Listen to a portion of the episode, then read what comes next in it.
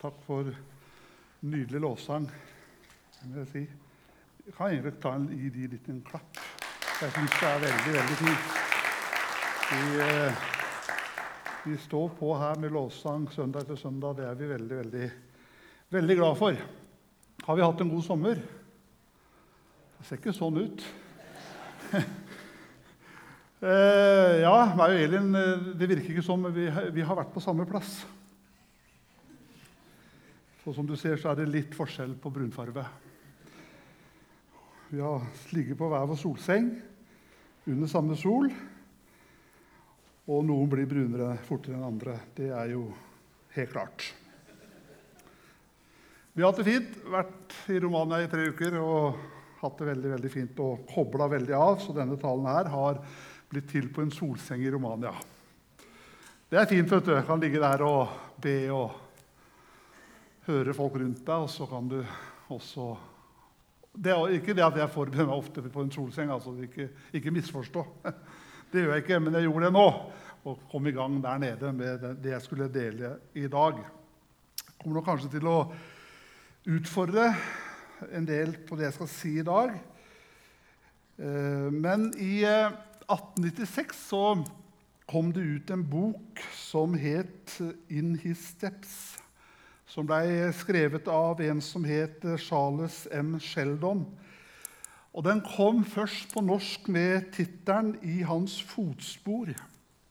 Men i senere utgaver så har tittelen blitt 'Hva ville Jesus ha gjort?'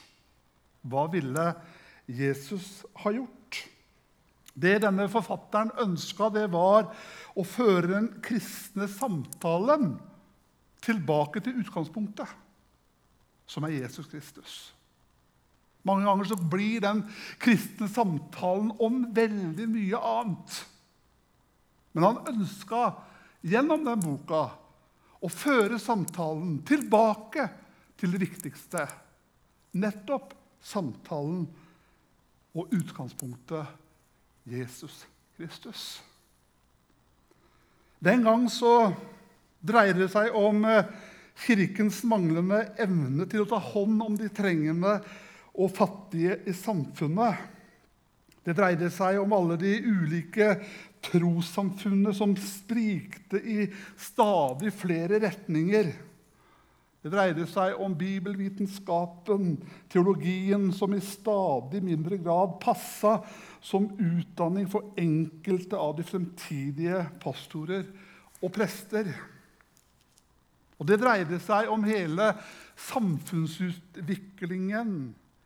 Og dette brennende spørsmålet i boka var hvordan en etterfølger av Jesus skulle stille seg til alt som skjedde. Derfor har senere utgaver av denne boka fått tittelen 'What ja, Min engelsk er utrolig dårlig. What will Jesus do? Altså, Hva ville Jesus ha gjort? Og jeg husker For en del år tilbake så skulle alle ha dette armbåndet der det sto nettopp det. For det skulle på en måte minne oss på ja, hva ville Jesus ha gjort nå? Og så var det armbåndet en sånn påminner på det når vi kom i møte med ting. Og det dreide seg veldig mye om akkurat det. Hva ville Jesus ha gjort? Og vi er også i lignende situasjon i dag. Så spørsmåla vi kan stille oss, er hva ville Jesus ha gjort? Hva ville Jesus ha sagt? Og hva ville Jesus ha tenkt? Dersom han hadde levd blant oss mennesker i dag, hva ville Jesus ha gjort? Det denne boka til Seldon handler om, det handler om en pastor, Henry Maxwell, som møter en uteligger som utfordrer ham i forhold til hva det virkelig vil si å være en Jesu etterfølger. Og Denne uteliggeren har det vanskelig med å forstå hvordan så mange som sier de er kristne, kan overse alle de som har det så vanskelig i samfunnet. Samtidig som de synger disse flotte sangene i sine kirker og menigheter. De er overgitt til Jesus. Og pastoren han grubler over hva ville det bety for denne uteliggeren om alle de som sang så vakkert som Jesus, levde ut disse sangene i sin hverdag? Og han stiller spørsmålet hva ville Jesus ha gjort? Å gå i Jesu fotspor er ikke nettopp det som er å være kristen. Så grunner denne passoren på det faktum at så mange av dem som var med i den tidens menigheter og kirker, ja, de hadde fine klær, de hadde så pene hjem.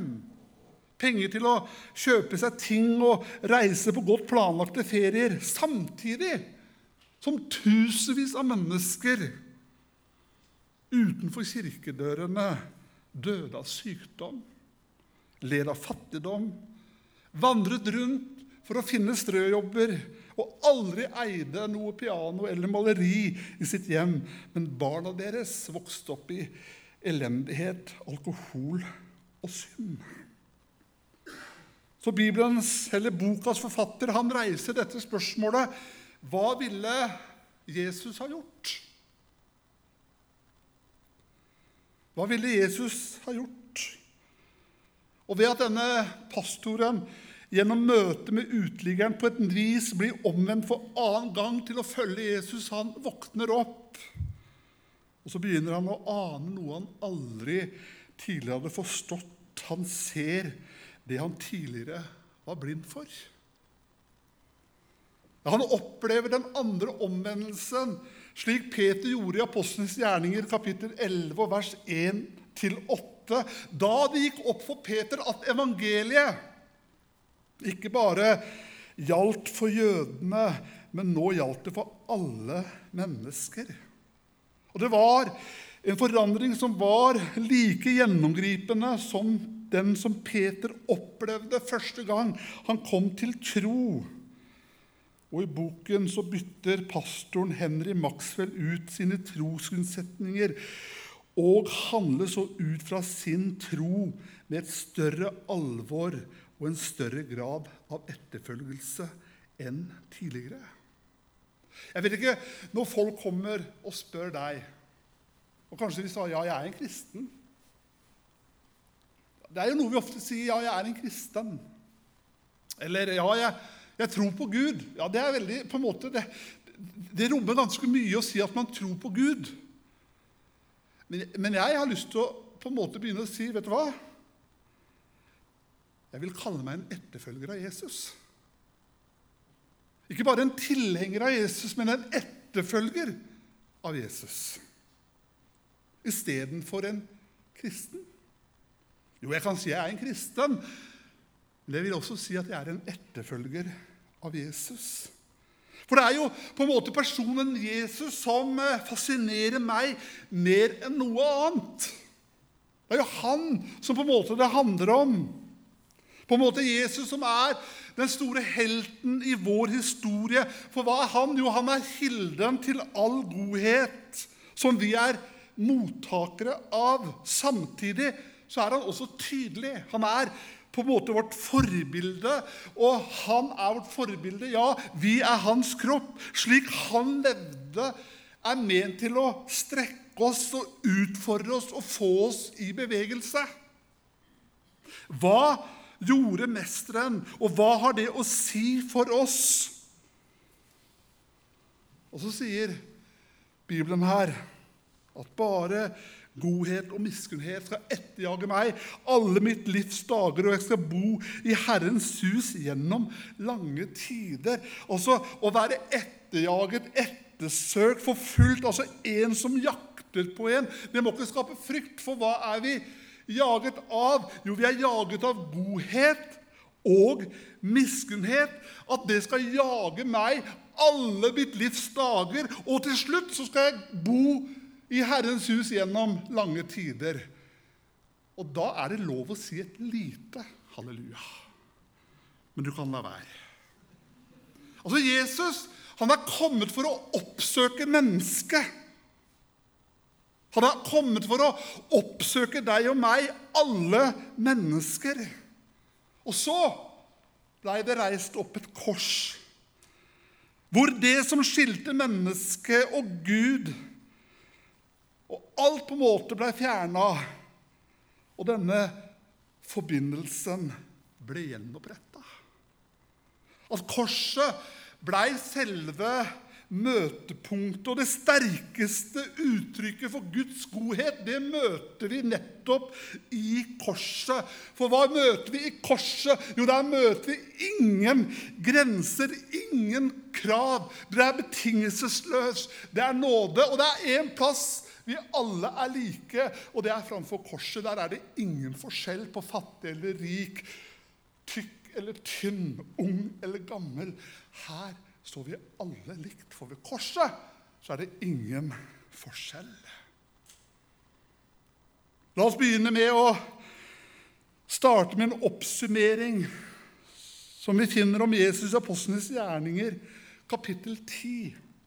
Og Bakgrunnen for dette verset det var et møte mellom Peter og Kornelius, en mann som på en måte frykta Gud, men som ikke hørte til det jødiske folket. Peter han går i gang med å fortelle om Jesus, hvem han var, og at han sto opp fra de døde.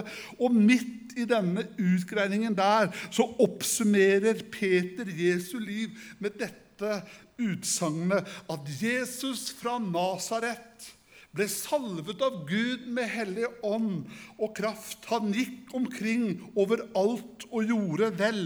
Vi kunne også sagt viste godhet og helbredet alle som var underkuet av djevelen, for Gud var med ham. Altså Jesus han gikk omkring overalt og gjorde vel og viste godhet. Det er to ting som i hvert fall er viktig å ta tak i denne setningen. Det er det første at Jesus han gikk omkring overalt. Absolutt overalt gikk Jesus. Han var ikke innelåst noe sted. Han på en måte satt ikke inne og på en måte ikke gikk aldri noen sted. Men Jesus, hva var han? Han var tilgjengelig med sin godhet for alle om at godhet og miskunnhet skal etterjage oss. Og hva gjør Jesus? Han driver med oppsøkende virksomhet. Han venta jo ikke bare at folk skulle komme og spørre. Det er jo fint å gjøre det også, men det gjorde ikke Jesus. Han venta ikke at alle skulle komme og spørre han, mase, selv om han på en måte også svarte på det. Nei, han er oppsøkende. Han søker mennesker. Han vil ha tak i folk. Han er glad i mennesker. Han ville møte folk og gi dem av sitt gode liv. Og så var det en annen ting han gjorde. Det var at han gikk omkring overalt og gjorde godt og viste godhet.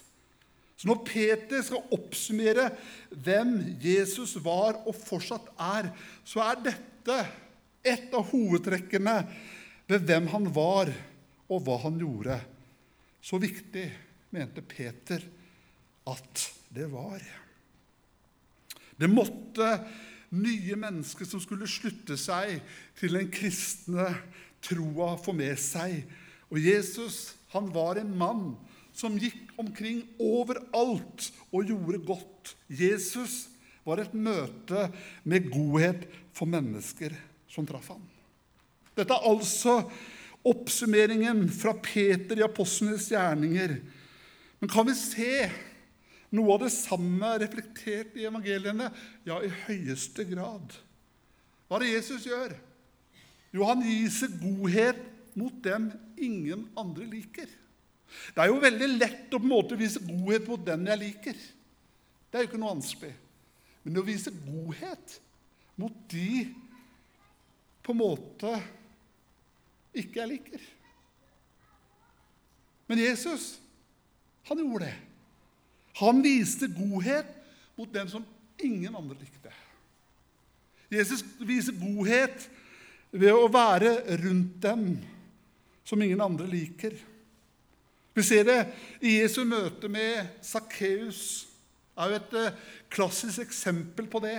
Sakkeus som var overtoller, han var eh, rik. Han, de mente at han stjal av mennesker og lurte folk. Og, ja, men likevel, blant en svær folkemengde, så er det jo Sakkeus Jesus oppsøker. Jesus han stopper ved treet der Sakkeus satt. Og så sier han, 'Sakkeus, jeg vil spise med deg i dag.' Folk rundt dem liker det ikke. Du velger han. Hvorfor velger du han? Det er jo ingen som liker han. Så er det han du stikker hjem til. Du skjønner ikke hvorfor Jesus velger ham. Sakkeus er jo fæl, han er tyv.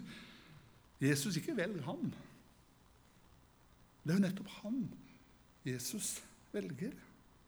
Jesus han bryr seg ikke om hva folk sier. Han vil være sammen med Sakkeus. Og livet til Sakkeus blir snudd opp ned. Han vender om fra alt det gale han har gjort, og han får en ny start på livet. Møtet med Jesu godhet, det forandrer alt. Det andre er at Jesus han eh, viser godhet mot de utstøtte. Jesus viser godhet ved å reise opp igjen de andre som de andre har utstøtt. Og Et av de beste eksemplene vi har på dette, er jo kvinna som ble grepet i fersk gjerning i Hor i Johannes 8. Ikke bare er hun utstøtt, men hun så i fare også for å bli drept. Som en konsekvens av det hun gjorde. Hun er grepet i synd. Hun er ligget med en mann som ikke er hennes. Det er ikke akseptabelt. Og Disse jødiske lederne de gjør seg klar til å steine henne. Straffe henne for de gjerningene hun hadde gjort. For det sa Moseloven. Men Jesus han reagerer jo helt annerledes. Jeg synes det bildet er Når han på en måte setter seg ned på stranda, eller hvor de nå er, så skriver han med fingeren på jorda.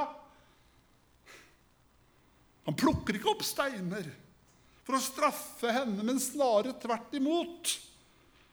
Ordene hans får disse mennene som hadde samla på steinene, som var så klare til å slippe steinene de har i hendene, og så går de bare bort.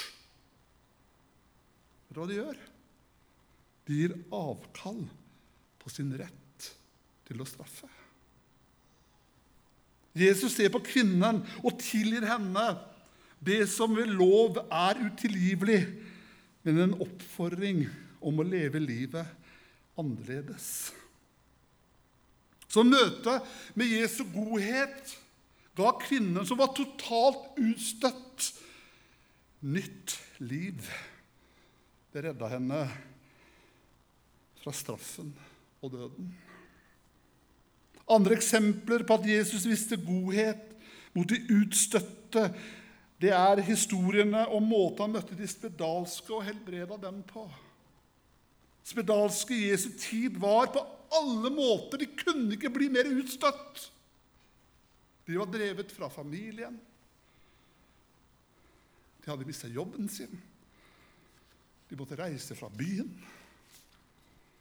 De var regna som urene og måtte bo utenfor bymurene uten å ha kontakt med andre mennesker. Det var ingen som ville være i kontakt med dem, og spesielt ikke fysisk kontakt. Likevel så er det nettopp dette Jesus da gjør. Han helbreder de spedalske med ord, men også med berøring. Han bryr seg ikke om merkelappen som andre hadde satt på dem. Også de som var ustøtt, var gjenstand for hans godhet. Og resultatet var også at deres liv blei forvandla. Jesus viser og gir godhet mot de som ikke var gode mot ham. Jeg tenker mange ganger på Judas. Han inviterer ham til å være en av de tolv nærmeste. Selv om han på en måte vet at han er en kjeltring, en som stjeler. Han inviterer han også med på det siste måltidet og vasker føttene hans. Han som han vet kommer til å forråde ham samme kveld. Han skiller ikke. Godhet for Jesus handler ikke om hva de rundt ham har fortjent, men om hva han har å gi. Og takk Gud, så begrenses den ikke av grad av hva en har fortjent. Jesus han viser godhet ved helbredelse. Jesus viser godhet ved å helbrede mennesker. Helbredelsene som fulgte Jesus, er et svært tydelig uttrykk for godheten som fulgte ham. Mennesker som var i stor nød, stimla seg rundt ham for å få tak i dette. Blinde fikk synet tilbake, lamme gikk døde, sto opp. Og gjennom alle disse fire evangeliene så ser vi hvordan Jesus gir godhet ved å befale helbredelse over syke kropper. Jesus han viser og gir godhet ved å bry seg om naturlige behov. Jesus viser godhet ved å bry seg om det som er det mest naturlige. Det er jo det å ha mat. Jeg tenker på dette brødunderet som han gjorde. Han gjorde en liten nistepakke til mat for en folkemengde på mange tusen mennesker. Hvorfor gjorde han det? Fordi han synes inderlig synd på folket fordi de ikke hadde noe å spise. Jesus han visste ikke bare godhet når det gjaldt de store tingene, men Jesus visste også godhet i møte med naturlige behov, som f.eks. mennesker som var sultne. Og naturlig nok den største godheten som Jesus har vist oss, er offeret på korset som Jesus gir oss. Det vi ser, det er at Jesus eller godhet, det var bærende i Jesu liv. På enda flere måter enn jeg har beskrevet her, så demonstrerte Jesus godhet. Det var hvem han var. Det er hvem han er også i dag. Til mennesker som kanskje ikke fortjente det i våre øyne. Til mennesker som var i håpløse situasjoner. Til mennesker som ble regnet som syndere. Til mennesker som var utstøtt så viste han godhet. Så Peter, oppsummering i Apostlenes gjerninger 10 Man kommer ikke utenom godhet når man beskriver Jesus Kristus. Så Jesus han eh, gir dere et forbilde. Hvorfor gir han oss et forbilde, da? Jesu ord til disiplene er som Faderen har sendt meg, så sender jeg dere. Paulus skriver i 1. Korinterbrev 12 at vi er hans kropp. Altså her i dag så er vi hans kropp. Han har ikke forandra seg siden den gang han gikk av sjøl. Han har samme verdier, han har samme ønske, samme mål. At folk skal få erfare at han er god. Og nå så er det vi som er hans føtter. Da er det vi som er hans hender. I Johannes evangeliet så står det at ordet ble kjøtt. Altså Gud ble menneske. Som det også står i Remessis-oversettelsen, så står det sånn at ordet tok bolig og flytta inn i nabolaget. Og her er vi. Vi er Jesu kropp. Altså Vi uttrykker ordet i kjøtt og blod. Altså, det er Jesus. Så når folk kommer til oss og spør etter Jesus, er Jesus der? Godhet? Nei, dette er mennesker som bryr seg, som uttrykker Jesus Kristus i kjøtt og blod. Inne i menigheten, ja, men også utenfor, heldigvis. At ordet det tar bolig og flytter inn i nabolaget, det er utfordringa til oss å demonstrere denne godheten som vi selv har fått tatt imot fordi du og jeg er Jesu kropp. Og godhet, det kommer fra Gud. Jeg kjenner meg utfordra når jeg tenker på det jeg taler om i dag, og hvis ikke du blir utfordra, så blir jeg det. Det er en dårlig preken, men ok. Godhet mot folk som en føler ikke fortjener det. Hvor lett er det, da? Jeg syns det er vanskelig. Jeg syns det. Godhet mot de som ingen liker eller vil være rundt. Skal jeg gå og vise godhet til deg? Godhet inn i de situasjoner som virker umulige. Hvem er jeg, da? Lille meg. Stor fysisk, men utrolig liten. Lite frimodig også. Hvem er jeg? Godhet i praktiske og naturlige behov. Kanskje vi blir litt utfordra. Kanskje vi kan la oss bli litt utfordra. Godhet når det koster.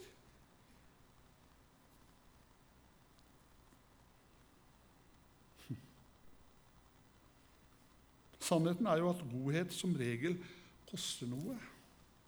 Det koster tida mi. Det koster krefter. Penger og energi. Det er jo tull å si noe annet. Men det som er sant, det er at en får så utrolig mye igjen. Altså, Gud han skrapa ikke bare på overflaten når han ga godhet. Men han ga alt. Alt. Og godhet koster oss noe. Men det er verdt det. Og folkens, det den får igjen, det er så mye, mye større. Godhet er kjennetegnet på de som vil følge etter Jesus. Det står et vers i Filippebrevet kapittel 4-5, og det andre skal vi også lese litt seinere, ca. om en halvtime. Filippebrevet 4-5 sier det sånn La alle mennesker få merke at dere er vennlige. Herren er nær. Det hadde vært mye lettere om det hadde stått 'La alle de som jeg liker, få merke at jeg er vennlig'. Eller at de som på en måte har de samme meningene som meg, ja, da kan jeg være vennlig. De som stemmer på det samme partiet, Rødt som meg Nei, jeg bare tuller. Nå sleit du så, jeg, altså. Han må vi be for. Ikke sant? Men her står det La alle mennesker få merke at dere er vennlige. Og hvorfor det, da? For Herren er nær. Altså, Jesus kommer snart igjen. La alle mennesker få merke at dere er vennlige og gode. Og utfordringen og oppfordringen til Filippe-menigheten er tydelig uten noen haker, men kun et tydelig beskjed om hva som er naturlig, og et kjennetegn som Jesu etterfølgere. Og det er den godheten Gud gir, og det er den godheten vi ønsker å gi videre. Og denne godheten er ment å være kjennetegnet på Jesu kropp i dag. Den står støtt i seg sjøl og trenger ikke å være et middel for noe annet. Godhet kan jo være ganske radikalt i dagens samfunn. Men jeg håper at vi denne høsten her kan slippe godheten løs. Kanskje det handler om å planlegge. Kanskje det handler om at vi må gjøre noen konkrete ting. Jeg hørte en fortelling om en dame som var ute og handla på Obs et eller annet sted. Hun skulle handle inn sin ukehandel til hun og hennes mann. Og foran seg så ser hun en sliten firebarnsmor med alle fire rundt seg. Skulle også handle inn ukeshandelen. Så får hun det for seg, og Gud taler til henne. Vet du hva du skal gjøre i dag? I dag skal du betale for henne. Så hun går etter henne, følger henne hele veien og håper at hun går overalt og handler det hun kan. Det er det hun håper på, for hun skal jo betale. Hun stapper denne handlekurva så full og går til kassa. legger alt på, skal til å betale, så kommer denne dama fram og sier til henne, 'Vet du hva? I dag skal jeg betale dette for deg.' Så betalte hun for henne, gikk ut, tok en prat med etterpå. Og denne dama sa, 'Jeg hadde ikke penger til dette i dag.' Men du var min redning. Jeg ba til Gud at noe skulle skje. Og det var jeg tror? Jeg tror det finnes så mange mennesker som ber der ute om at nettopp vi som er hans kropp, hans hender, hans føtter, skal være de som slipper en godheten løs i mennesker vi har gitt oss. Så kanskje i denne høsten eller denne uka som kommer, hvem kan jeg vise godhet? Det kan være med vennlige ord, det kan være med økonomi, det kan være med praktisk hjelp, det kan være med å lage en middag, det kan være med å si at 'jeg passer ungene dine'. Det spørsmålet kommer ikke fra meg. Men ikke sant? det kan være så mange forskjellige ting. Vi bør ikke gjøre det komplisert, vi bør ikke arrangere det på en måte, men vi kan på en måte leve de liva som kristne og som Jesu etterfølgere. Kjærligheten, vennligheten, er et vitnesbyrd på hvem vi følger Jesus. Kanskje det handler om å bestemme seg for det. Det å ha en betydning på arbeidsplassen, i klassen, i nabolaget, men bare på en måte å gjøre det. Ja, jeg er så svak, jeg er så sterk, jeg har så lite å bidra med. Hvem var det Jesus snakka om? Og de skulle ofre. Det var ikke de rike som ga sin overflod, men det var den fattige enka som ga det hun hadde. Det var hun som ble snakka om. Det var ikke de rike, for de ga sin overflod. Men det var den fattige som ga alt. Så Jesu liv det utgjorde en forskjell for de menneskene han levde sammen med. Vi så hvordan han lå til bords med tollere og syndere. I den grad at de som var opptatt av religiøs skikk og bruk, kritiserte ham for det. De mente naturlig at han dermed havna i et veldig dårlig selskap. Vi ser hvordan Jesus så på den kvinnen som var en synderinne, om hvordan han underviste fariseeren Simon om å gjøre det samme. Og En av de store store spørsmåla rundt Jesus var egentlig hvem han valgte å omgås med. Og Dette sammenfattes på en veldig god måte i Lukas kapittel 15 og vers 1-2, der det står at alle tollere og syndere holdt seg nær til Jesus for å høre ham. Men fariseerne og de skriftlærde murret og sa seg imellom. Denne mannen tar imot syndere og spiser sammen med dem. Så Det er derfor ikke overraskende hvordan han ender sitt liv på jorda. Vi vet at søsteren var enkel og skjedde i en stall i Betlehem, siden det ikke fantes noe plass for han i noe herberge. Og slutten av hans liv er bemerkelsesverdig. Den mannen som på mange ser på som et eksempel når det gjelder kunst å leve, avslutter sitt liv forslått på et henrettelsessted. Den konkrete situasjonen beskrives i Lukas 23, 33. Og da de kom til det stedet som heter Hodeskalle, så korsfestet de både han og forbryterne der, den ene på høyre side av ham og den andre på venstre. Dette er en bibeltekst som vi leser ved påsketider. Jesus han korsfestet med to forbrytere ved sin side, den ene på høyre og den andre på venstre. Vi kjenner sammenhengen. Og Det har blitt naturlig for oss at vi ikke engang reflekterer over det. Han som de fleste regner som det meste, beste mennesket som har levd, henger der midt mellom to forbrytere som har blitt dømt til denne straffen med rette, som får hva de fortjener. Så vårt spørsmål er er det Jesus som på slutten av sitt liv havna i dårlig selskap?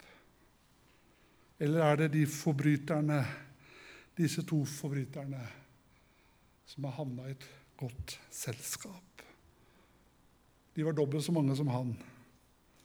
Tapte Jesus på å være der i deres selskap, eller vant de på å være i hans? For det går en linje gjennom Jesu liv som man kunne kalle kjærlighetens forskjell. Når han fødes i en stall, så helliger han det med sitt nærvær. Jesu nærvær det betyr godt selskap. Han havner aldri i dårlig selskap. Hans egen innflytelse er så sterkt. Det er han som utgjør forskjellen.